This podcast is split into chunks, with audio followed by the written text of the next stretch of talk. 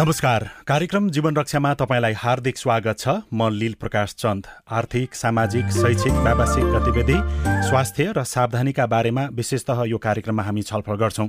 सामुदायिक रेडियो प्रसारक संघ अकोराबद्वारा सञ्चालित सिआइएनको प्रस्तुति यो कार्यक्रम जीवन रक्षा। कार्यक्रम जीवन रक्षा सिआइएन मार्फत मुलुकभरका सामुदायिक radio website CIN Khabar dot com Facebook page CIN Khabar CIN साझा खबर मोबाइल एप सिआइएनबाट पनि तपाईँ सुनिरहनु भएको छ। आजको कार्यक्रम जीवन रक्षामा हामी संविधान दिवस संविधान जारी भएको सात वर्षमा नागरिकले पाएको अधिकार र थप संविधान कार्यान्वयनका अहिलेसम्मका अरू चुनौतीहरू के के हुन सक्छन् भन्ने विषयमा छलफल गर्दैछौँ र पछिल्लो समयमा न्यायालयमा देखिएको तनाव र उक्त तनावका कारण देखिए देखिएको स्थिति सिर्जना भएको अहिलेको अवस्थाको बारेमा पनि कुराकानी गर्दैछौँ। र यदि तपाईँ पनि यसबारेमा कुनै प्रश्न वा जिज्ञासा राख्न चाहनुहुन्छ भने शून्य एक बाहन्न साठी छ सय एकसट्ठीमा अहिले नै फोन गर्नुहोला। तपाईँले कार्यक्रम जीवन रक्षा हाम्रो फेसबुक पेज सिआइएन खबरबाट सुन्दै हुनुहुन्छ भने त्यहाँ कमेन्ट गर्नुभयो भने पनि हामी तपाईँका जिज्ञासा सम्बोधनको प्रयास गर्नेछौँ। हामीसँग कुराकानीका लागि सबैभन्दा सुरुमा नेपाल बार एसोसिएसनका पूर्व महासचिव लीलामणि पौडेल टेलिफोन सम्पर्कमा हुनुहुन्छ। हार्दिक स्वागत छ यहाँलाई पौडेलज्यू कार्यक्रम जीवन रक्षा धन्यवाद। सुरुमा त संविधान जारी भएको आज सात वर्ष पुरा भएको छ। सात वर्षमा नागरिकले के के पाए? तपाईँलाई के लागिराखेको छ? त्यहीबाट अगाडि बढौँ। नागरिकले अब संविधान त कानुन त धेरै अधिकारहरू पाए तर व्यवहारमा कागजले मात्रै सीमित भएको जस्तो अनुभूति नागरिकहरूले पनि गरेको महसुस भइराखेको छ। र नेपालको दुर्भाग्य भन्नुपर्छ कि यदि छोटो छोटो समयमा धेरै संविधानका हामीले प्रयोगहरू गऱ्यौँ र चिरस्थायी संविधान भएनन् संशोधनको माध्यमबाट गर्न सकिने कुराहरूमा पनि हामी नयाँ नयाँ अभ्यासमा लाग्यौँ र अहिले वर्तमान संविधानको सात वर्ष पुग्दै गर्दा यो संविधानमा पनि आम जनताको विश्लेषण भएको महसुस गरेको छु मैले। विशेष गरी कानुन निर्माणको सन्दर्भमा तीन तहको सरकारको परिकल्पना संविधानले गरेको छ त्यसै अनुसारको संरचना त बन्यो तर त्यसलाई अझ पूर्ण रूपमा सञ्चालनको लागि सजिलो बनाउनको लागि कानुन निर्माणको तहबाट कस्तो देख्नुहुन्छ तपाईँ? हेर्नुहोस् अब हामी यहाँ संहिता त भन्यौँ हामीले तर यो सङ्घ सरकारले प्रदेश सरकारलाई या स्थानीय सरकारलाई अधिकार दिने कुरामा अत्यन्तै सङ्कुचित धारणा राख्यो अर्थात् अधिकार दिन चाहेन।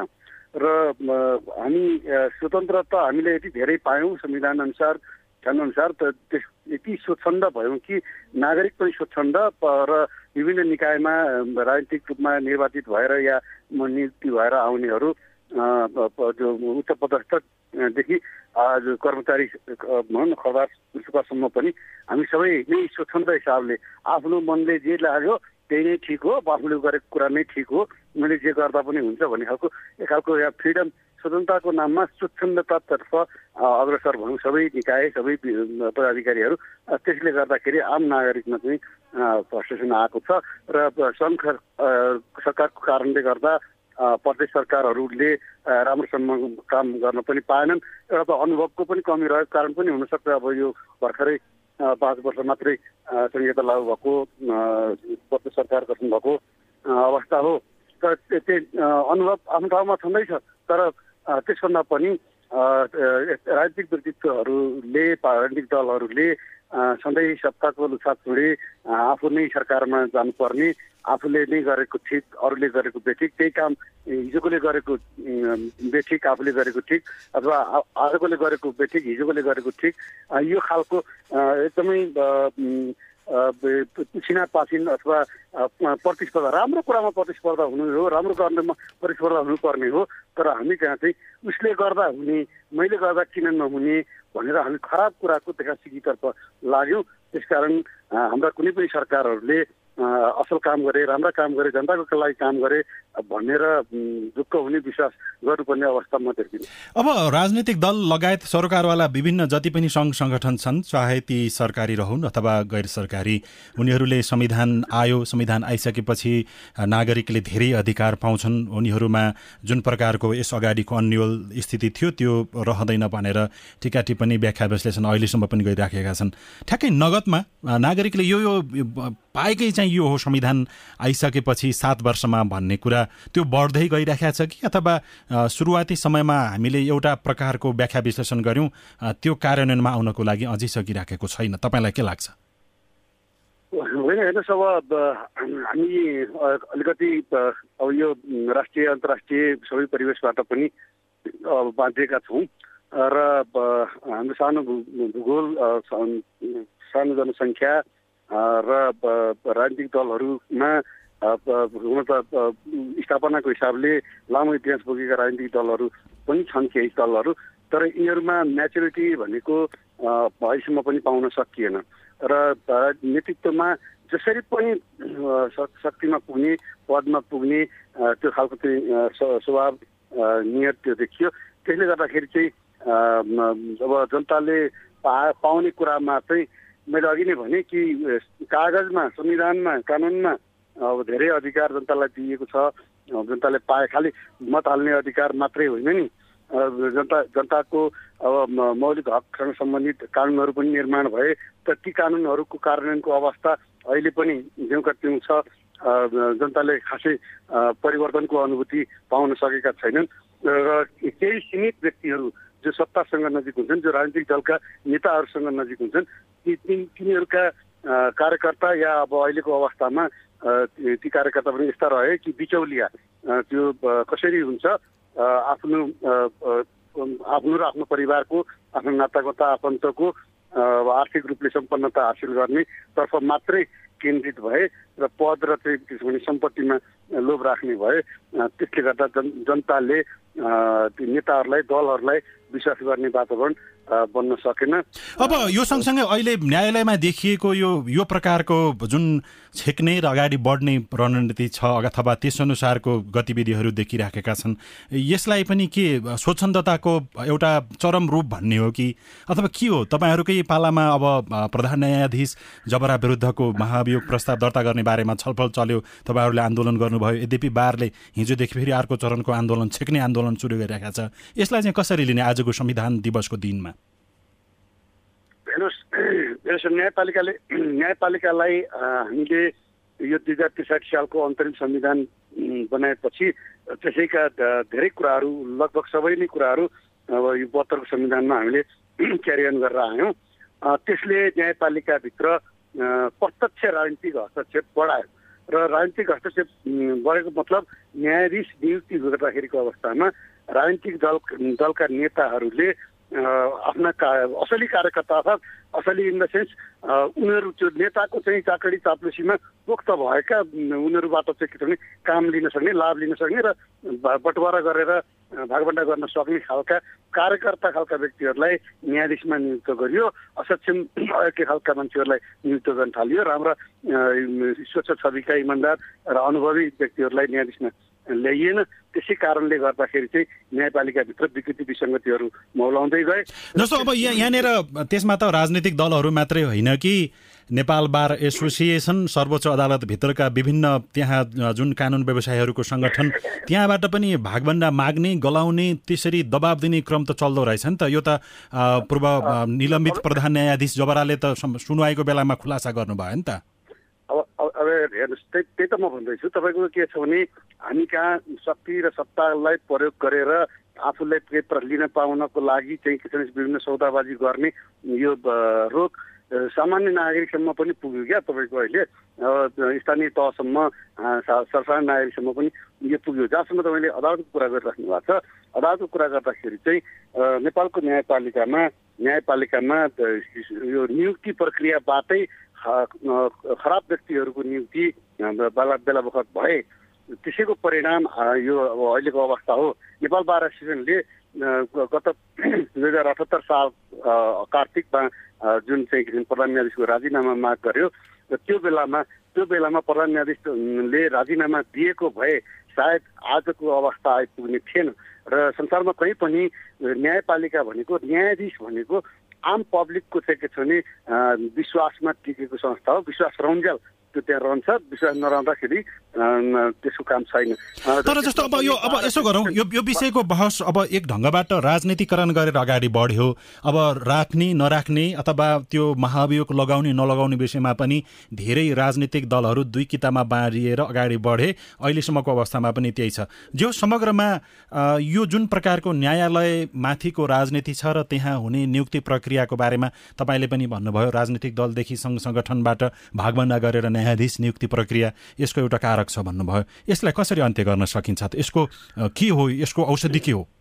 हेर्नुहोस् यसको यसको लागि यसको लागि जसले जुन पदमा नियुक्ति पाउँदछ त्यो त्यो व्यक्तिले आफ्नो संविधान कानुन मात्रै होइन उच्च नैतिक चरित्र राखेर इमान्दारिताका साथ आफ्नो कर्तव्य भूमिका निर्वाह गर्यो भने गर्यो भने यो समस्या आउँदैन। अहिले पौडेलज्यू हामीसँग अहिले कोही टेलिफोन सम्पर्कमा हुनुहुन्छ कोही आफ्नो विचार राख्नको लागि प्रश्न राख्नको लागि आउनु भएको छ। उहाँलाई सुनौ। हेलो। हेलो। हेलो।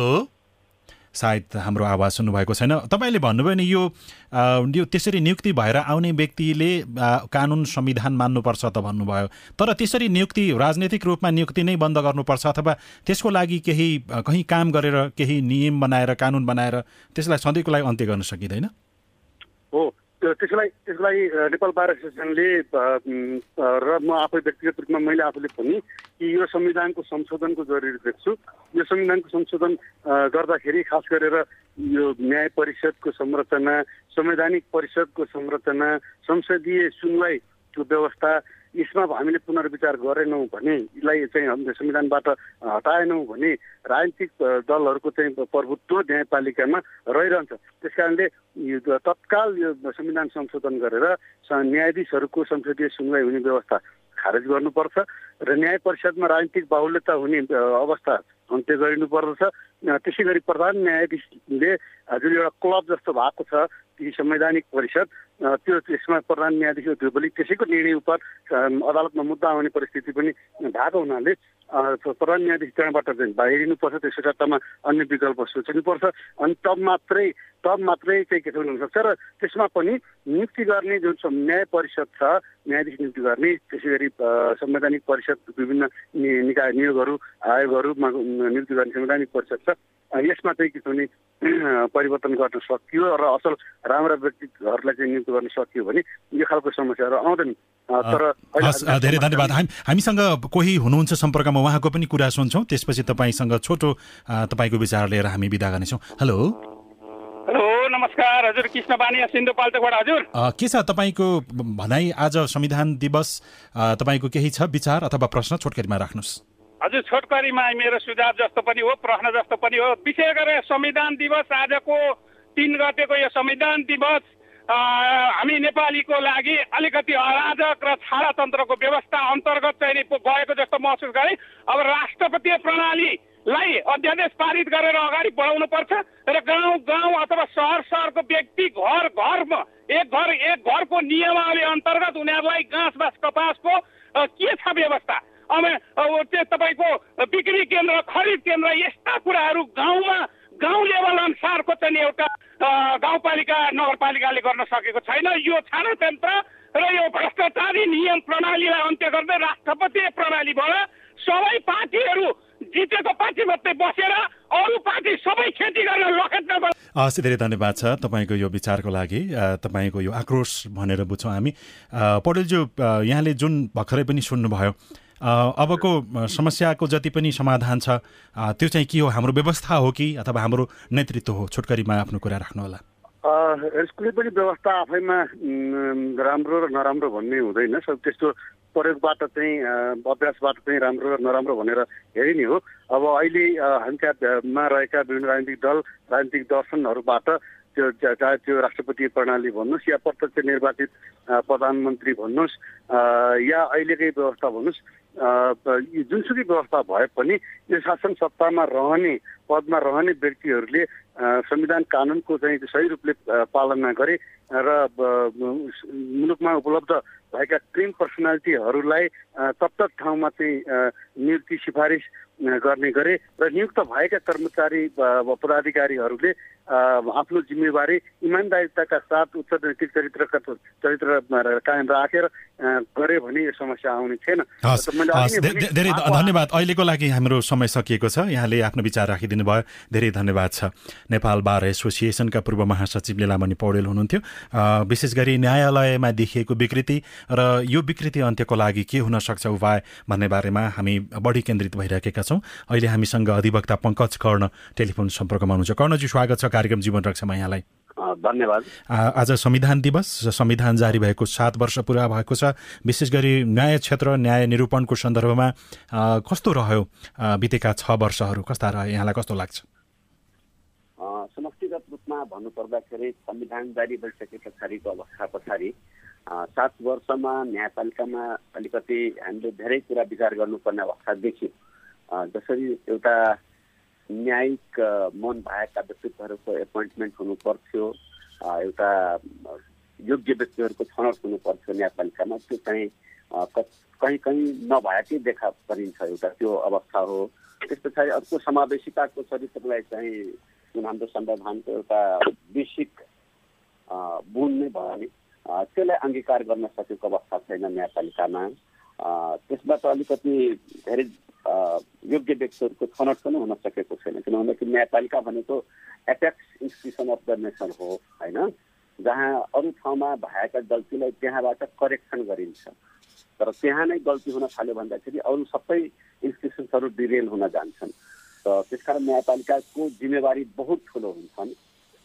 त्यो रूपमा चाहिँ न्यायपालिकाले आफ्ना कतिपय कुरालाई राम्रो ढङ्गले प्रतिपादन गरे पनि अरू कतिपय ठाउँमा कमेन्ट्स गर्ने अवस्था चाहिँ देखिएको छ। अब यो समस्या समाधानको लागि बहस छलफल गर्न थालेको त संविधान जारी भएपछि मात्रै होइन कि संविधान जारी नहुँदैदेखि पनि छलफल पटक पटक भइराख्ने गर्छ कि न्यायालयलाई कसरी स्वतन्त्र बनाउने र विश्वसनीय बनाउने भन्ने ढङ्गबाट। जुन राजनीति अलिक बढी हाबी भयो भनेर पछिल्लो समयमा देखियो कुनै पनि एउटा न्यायाधीश हुनसक्छ अथवा अरू कानुन व्यवसायी हुन सक्छन् कुनै पनि राजनैतिक दलको आस्था र विचार नराखेर त्यो सम्बन्धित क्षेत्रसम्म नपुग्ने त्यहाँ पुगिसकेपछि कुनै न कुनै ढङ्गबाट प्रभावमा पर्ने गरेको भनेर विभिन्न टिका टिप्पणीहरू भइराखेका छन्। यसको अन्त्य कसरी गर्न सकिन्छ? तपाईँलाई के लाग्छ? यसको लागि सबभन्दा महत्त्वपूर्ण कुरा के हो? छनौट। हामी कसलाई र कसरी छनौट गर्न गइरहेका छौँ? हामी जिम्मेवार व्यक्तिहरू योग्य व्यक्तिहरूको हामीसँग एउटा रोस्टर हुनुपर्छ जसमा हामीले इमान्दारीपूर्वक यी व्यक्तिहरू आयो भने न्यायपालिका राम्रो हुन सक्ने पनि न्यायपालिकालाई राम्रो बनाउने ध्येय हुनु पर्यो छनौटकर्ताको सब सबभन्दा ठुलो समस्या त्यहाँ छन् होइन? न्यायपालिका राम्रो भयो भने अरू धेरै कुरा राम्रो हुन सक्छन्। तर छनौटको प्रक्रिया जुन किसिमको छ त्यो वास्तवमा एकाङ्गी अहिलेसम्म देखा परिरहेको अवस्था छ। र हामीले छनौट गरिदियौँ अब जे हुन्छ त्यहाँ एक तपाईँहरू जानुहोस्। उहाँहरूले न्याय सम्पादन गर्नुहुन्छ भनेर आइरहेका हुन्छन्। अब सबै खराब नै हुनुहुन्छ भन्न सकिँदैन धेरै जसो राम्रो पनि हुनुहुन्छ। तर एउटा विचारणीय प्रश्न के छ भन्दाखेरि जबसम्म हामीले योग्य सक्षम व्यक्तित्वलाई न्यायपालिकामा ल्याउँदैनौँ तबसम्म न्यायपालिका राम्रो हुन सक्दैन। त्यो त्यो त्यो नेतृत्वमा नेतृत्वमा सक्षम व्यक्ति लैजानको लागि अहिलेको प्रक्रिया नै गलत हो कि अथवा के कुरामा सुधार गरियो भने योग्य व्यक्ति योग्य ठाउँमा पुग्न सक्छ त? प्रक्रिया कहिले पनि कुनै गलत हुँदैन। त्यहाँ छनौट गर्ने हाम्रो जुन किसिमको एउटा मानसिकता छ नि त्यसमा हामीले परिवर्तन गर्नुपर्ने हुन्छ। हामी नेसन बिल्डिङको लागि राम्रो व्यक्तित्वहरूको छनौट नै गर्न सकिरहेका छैनौँ अहिलेसम्मको सबभन्दा मेरो चाहिँ पर्सनल ओपिनियन के हो भन्दाखेरि हामीले न्यायपालिकामा कस्ता व्यक्ति लाने ती व्यक्तिहरू न्यायपालिकालाई कसरी अगाडि आउने दिनमा ड्राइभ गर्न सक्छन् ती व्यक्तित्वहरूले न्याय सम्पादनको प्रक्रियामा कसरी आफूलाई इन्डिपेन्डेन्ट इम्पार्सियल रूपमा प्रस्तुत गर्न सक्छन् त्यस्ता व्यक्तित्वहरूको खोजी गर्नुपर्ने हो वास्तवमा। र ती व्यक्तित्वहरूको छनौट भइसकेपछि उहाँहरूलाई नियुक्त गरिसकेपछि बल्ल त्यहाँबाट हामीले एउटा आशा गर्न सक्छौँ अब न्यायपालिका राम्रो हुन सक्छन्। अहिलेसम्मको हाम्रो के देखिएको छ भन्दाखेरि हामीले नियुक्त गरिदिन्छौँ उहाँ हाइकोर्टमा सुप्रिम कोर्टमा या डिस्ट्रिक्ट कोर्टमा अब न्याय सम्पादन भइहाल्छ। हामी एडभक बेसिस बेसिसमा गइरहेका छौँ। त्यसकारण जबसम्म सक्षम योग्य र इम्पार्सियल व्यक्तिको हामीले नियुक्ति गर्दैनौँ तबसम्म न्यायपालिकामा यस्ता समस्याहरू आइरहन्छन्। अनि राजनीतिक दलबाट नआएको होइन अब अमेरिकैमा हामीले एपोइन्टमेन्ट गर्दाखेरि त्यहाँको सिस्टम हेर्दाखेरि राजनीतिक दलबाट आबद्ध भएकै व्यक्तिहरू आउनुहुन्छ। तर राजनीतिक दलबाट आइसके पछाडि जब उहाँहरू ओठ लिइसक्नुहुन्छ न्यायाधीशको त्यस पछाडि उहाँहरूको भूमिका चाहिँ कम्प्लिटली जस्टिसको रूपमा आफूलाई इस्टाब्लिस गर्नुहुन्छ। नेपालको सन्दर्भमा त्यो अझै पूर्ण रूपमा कार्यान्वयन छैन भन्न खोज्नु भएको नेपालको सन्दर्भमा अलिकति पोलिटिक्स पोलिटिकल पार्टीको कहीँ न कहीँ त्यो के भन्छ कन्ट्रोल भएको देखिन्छ हस् हस् धेरै धन्यवाद छ यहाँलाई आफ्नो विचारको लागि। अब हामी नेपाल बार एसोसिएसनका पूर्व अध्यक्ष शेरबहादुर केसीज्यूसँग कुराकानीतर्फ लागौँ। विशेष गरी न्यायालयमा देखिएको अहिलेको समस्या र संविधान जारी भएको यो सात वर्षको विषयमा हामी कुराकानी गर्दैछौँ। केसीज्यू स्वागत छ कार्यक्रम जीवन रक्षामा यहाँलाई। धन्यवाद छ। यो विशेष गरी न्यायालयलाई अझ धेरै पारदर्शी बनाउने विश्वसनीय बनाउने ढङ्गबाट अहिलेसम्मको संविधान जारी भएको सात वर्षको उपलब्धिहरू के हो? तपाईँलाई के लाग्छ? सबभन्दा पहिला म यो संविधान दिवसको उपलक्ष्यमा सम्पूर्ण नेपाली दाजुभाइ दिदीबहिनीहरूलाई संविधान जारी भएको आज सात वर्ष पुगेर आठ वर्ष लाग्दैछ। यसको उपलक्ष्यमा बधाई तथा शुभकामना दिन चाहन्छु। अब संविधान कसरी चलिरहेको छ? संविधानलाई एउटा रुल अफ ल कन्स्टिट्युसनलिजम र जुन मानव अधिकार बादमा चलाउने भनेर जसरी संविधानमा लेखियो त्यो सबै के छ भने पूर्ण रूपमा कार्यान्वयन हुन सकेको छैन। यसको विकृत रूप कार्यपालिकामा पनि छ। व्यवस्थापिका त देखिहाल्नुभयो तपाईँको दलले चलाइरहेको छ। त्यसै अहिले न्यायपालिका पनि त्योबाट अछुतो रहन सकेन। अब यो सात सात सात कि कुनै कामै भएनन् अथवा जति सुधारको प्रयास गरे पनि त्यो त्यसको परिणाम अथवा त्यसको नतिजा राम्रो आउन सकेन। संविधानले जुन परिकल्पना गरेको छ नि तपाईँको हाम्रो समाजवाद उन्मुख मुलुक हुने भनेर त्यो केही हुन सकेन कि जस्तो मानव अधिकारको क्षेत्रमा कानुनी शासनको क्षेत्रमा तपाईँको संवैधानिक सर्वोच्चताको क्षेत्रमा यहाँ त जो आयो शासनमा त्यो नै म संविधान हुँ भन्ने सोचाइमा देश चल्न गएको अवस्था छ अहिले। त्यस कारणले संविधानलाई अगाडि राखेर जस्तो जो सरकारमा आउँछ बेसिकली सरकारै यसको जिम्मेवार हुन्छ उसले संविधानलाई हेरेर कानुनलाई हेरेर मात्रै देश चलाउनु पर्छ कि? तर त्यो भएको छैन। आज संविधानमा भन्दा माथि म छु भन्ने एउटा सोच शासकहरूमा रहेको कारणले आज संविधान विकृत भएर गइरहेको छ। संविधानले जुन परिकल्पना गरेको छ त्यो सोचाइबाट हामी तपाईँको के छ भने मुक्त भएका छैनौँ। अब सात वर्षमा सात वर्षमा संविधान जारी भइसक्दाखेरि सर्वसाधारण नागरिकले जसलाई राजनीतिसँग मतलब छैन अथवा ठुलो लाख लाखौँ करोडौँ कमाएर चाहिँ एकदम सम्पन्न रहला भन्ने छैन साँझ बिहानको रोजी रोटी जुन टार्न पाए हुन्थ्यो भन्ने ढङ्गबाट नागरिकहरू छन्। ती नागरिकहरूले चाहिँ के पाए त उनीहरूले? होइन यहाँ केही पाएको छैन। जुन मिडी पिपुलहरू छ नि जुन सर्वसाधारण छ उसहरूले केही पाएको छैन। यहाँ यो दुईवटा क्याटेगोरीको जनता भयो एउटा ह्याप्स जसँग प्रशस्त छ त्यही मात्रैको हाली मुहाली भयो जसँग केही छैन ह्याप्स नट भन्ने जुन हुन्छ नि उसले केही पनि पाएको छैन केवल आशा पाएको छ कि? संविधान छ यो देशमा लोकतन्त्र छ यो देशमा के छ भने कानुनी शासन छ भन्ने आश त्यही आशामा हामीहरू बची बाँचिरहेका छौँ। त्यसैलाई नै भोलि राम्रो होला। आजभन्दा भोलि राम्रो हुन्छ भन्ने सोचमा हामीहरू आइरहेका छौँ। अहिले पनि हामी यो संविधान के छ भने एक्सपेरिमेन्टमै छ तपाईँको। भनेको यो यो अनुभव लिने काम मात्रै भइरहेको छ यसको कार्यान्वयन नतिजा चाहिँ देखिँदैन। छैन छैन त्यो सुख सुखद छैन मुलुकको लागि त्यो राम्रो पक्ष होइन किनभने यहाँको सबभन्दा यो संविधान कार्यान्वयन गर्ने निकाय संविधान कार्यान्वयन गर्ने दलहरू सबै के छ भने आफ्नो आफ्नो दलको स्वार्थमा लागेर आज यो संविधान के छ भने छेद विच्छेद हुँदैछ। त्यो हामीले जुन सोच्यो र जुन सपना लिएर बैसठी त्रिसठी आन्दोलन गऱ्यौँ चाहे पैँतालिस छ्यालिसको आन्दोलन गऱ्यौँ छ्यालिस सत्तालिसको आन्दोलन गऱ्यौँ। त्यो बाटो के छ भने यो आज अलि पृथक किसिमले जान लाग्यो। मुलुक मुलुक कुनै पनि बेला दुर्घटनामा जान सक्छ भन्ने देखिन्छ अहिले पनि। अब न्यायालयको कुरा गरौँ न। न्यायालयको स्थिति हेर्दाखेरि त पछिल्लो समय त अब न्यायाधीशहरू पनि कुन राजनीतिक दलको पक्षमा विपक्षमा उभिने कानुन व्यवसायी पनि त्यस्तै ढङ्गबाट अब सरकार सरकारकै व्यक्तिहरू पनि त्यसरी बाँडिराखेको अवस्थामा भोलिका दिनमा न्यायालयको तपाईँ कस्तो अब प्रारूप देख्नुहुन्छ? कस्तो स्थितिमा पुग्ला नेपालको न्यायालय? यो न्यायालय सबभन्दा अहिले के छ भने यो कार्यपालिकाको व्यवस्थापिकाको दलहरूको सबैको आँखा के छ भने न्यायालयमा छ। न्यायालयमा हाम्रो पकड भयो भने हामी सुरक्षित छौँ भन्ने जुन सोच दलका लिडरसिपहरूमा छ सरकारका लिडरसिपहरूमा छ यो सबभन्दा दुर्भाग्यपूर्ण हो।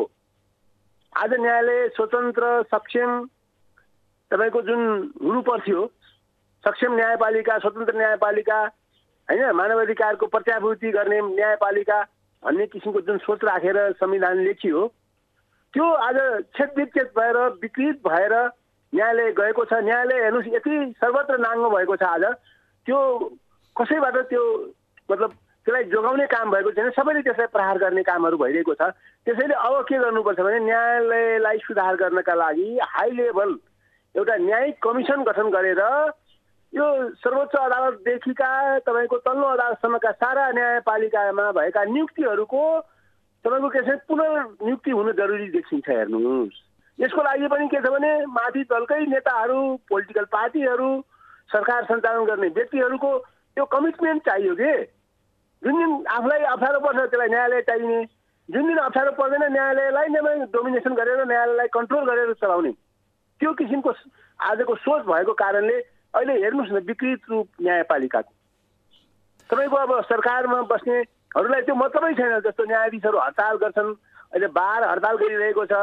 सारा तपाईँको के छ भने न्यायालयमा कुनै किसिमको त्यहाँ रुल अफ ल छैन हेर्नुहोस्। हामी कानुन व्यवसायी भएर भन्दाखेरि पनि हामीलाई अब के छ भने लाज लाग्ने भइसकेको छ अहिले स्थिति। अब यसको यो यो समस्याको समाधान चाहिँ के हो त? अब आठौँ वर्षमा प्रवेश गर्दै गर्दाखेरि समाधान के छ भने मैले भने नि अब आफ्नो आफ्नो संस्थालाई आफै आफै चलाउन दिनु पर्यो कि जान दिनु पर्यो जस्तो संविधानले भनेको छ नि न्यायपालिका अलगै किसिमले जाओस् कार्यपालिका अलगै किसिमले जाओस् व्यवस्थापिका संसद आफ्नै किसिमले जाओस् यो जुन सेपरेसन अफ पावरको जुन थट राखेको छ नि हाम्रो त्यो लागू भएन मुलुकभित्र। एउटाले अर्को संस्थालाई हस्तक्षेप गर्ने तपाईँको के छ भने आज तपाईँको जुन किसिमको देखिएको छ जुन परिपाटी भएको छ। त्यो नै एउटा दुर्भाग्यपूर्ण हो। जस्तो अहिले भन्नुहोस् न यो महाभियोगको जुन चर्चा परिचर्चा भइरहेको छ त्यो तिन महिना साढे तिन महिनामा करिब करिब सक्नुपर्छ भन्ने कन्सेप्टमा संविधानमा अनि त्यो प्रतिनिधि नियावली दुई हजार पचहत्तरमा लेखिएको छ हेर्नुहोस्। तर आज के भयो भन्नुहोस् त तपाईँको आज? अर्को मङ्सिरसम्म तपाईँको त्यत्तिकै टाङ्ने हिसाबले पार्लियामेन्टले काम गर्यो। यसमा के छ भने सभामुखको फेलियरनेस हेर्नुहोस्। होला दलका मान्छेहरूको पनि इन्ट्रेस्ट होला त्यसमा। यसमा सभामुख मुख्य रूपमा यसमा जिम्मेवार हो हेर्नु उहाँ फेलियर हुनुभएको छ। उहाँले त्यो जुन मोसन गएको थियो नि इम्पिचमेन्ट मोसन आइदर पास या फेल भन्ने हिसाबले उहाँले फागुनबाटै सुरु गर्नु फागुन चैत वैशाख जेठ असारसम्ममा टुङ्ग्याउनु पर्थ्यो। हेर्नुहोस्। यद्यपि अब यसमा सबै डाडुपन्ने सभामुख भन्दा पनि अब अरू राजनैतिक दलहरूले विभिन्न समयमा गरेको छलखेल पनि कहीँ न कहीँ कारक होला। समय दिनुभयो। समय दिनुभयो कुराकानी गरिदिनु भयो हामीसँग समय सकिएको छ। यहाँलाई धेरै धन्यवाद छ। केसीज्यू। नेपाल बार एसोसिएसनका पूर्व अध्यक्ष शेरबहादुर केसी हुनुहुन्थ्यो। आज संविधान दिवस संविधान दिवसको अवसरमा नागरिकले संविधानबाट अहिलेसम्म के पाए र विशेष गरी नेपालको न्याय क्षेत्रलाई कसरी अझ चुस्त दुरुस्त बनाउन सकिन्छ भन्ने बारेमा आजको कार्यक्रम जीवन रक्षामा हामीले कुराकानी गऱ्यौँ कार्यक्रम सुनिसकेपछि तपाईँको मनमा उठेका प्रश्न र कुनै विचार भए हामीलाई पठाउन वा लेख्न सक्नुहुनेछ। यसका लागि हाम्रो इमेल ठेगाना साझा खबर एट जिमेल डट कम हाम्रो आइबिआर नम्बर शून्य एक बाहन्न साठी छ चार छमा फोन गरेर दिएको निर्देशन अनुसार आफ्नो विचार रेकर्ड गर्न सक्नुहुन्छ। प्राविधिक साथी सुनिल राज भारतलाई धन्यवाद दिँदै रेडियो कार्यक्रम जीवन रक्षाको आजको अङ्कबाट हामी सबै विदा हुन्छौँ। नमस्कार।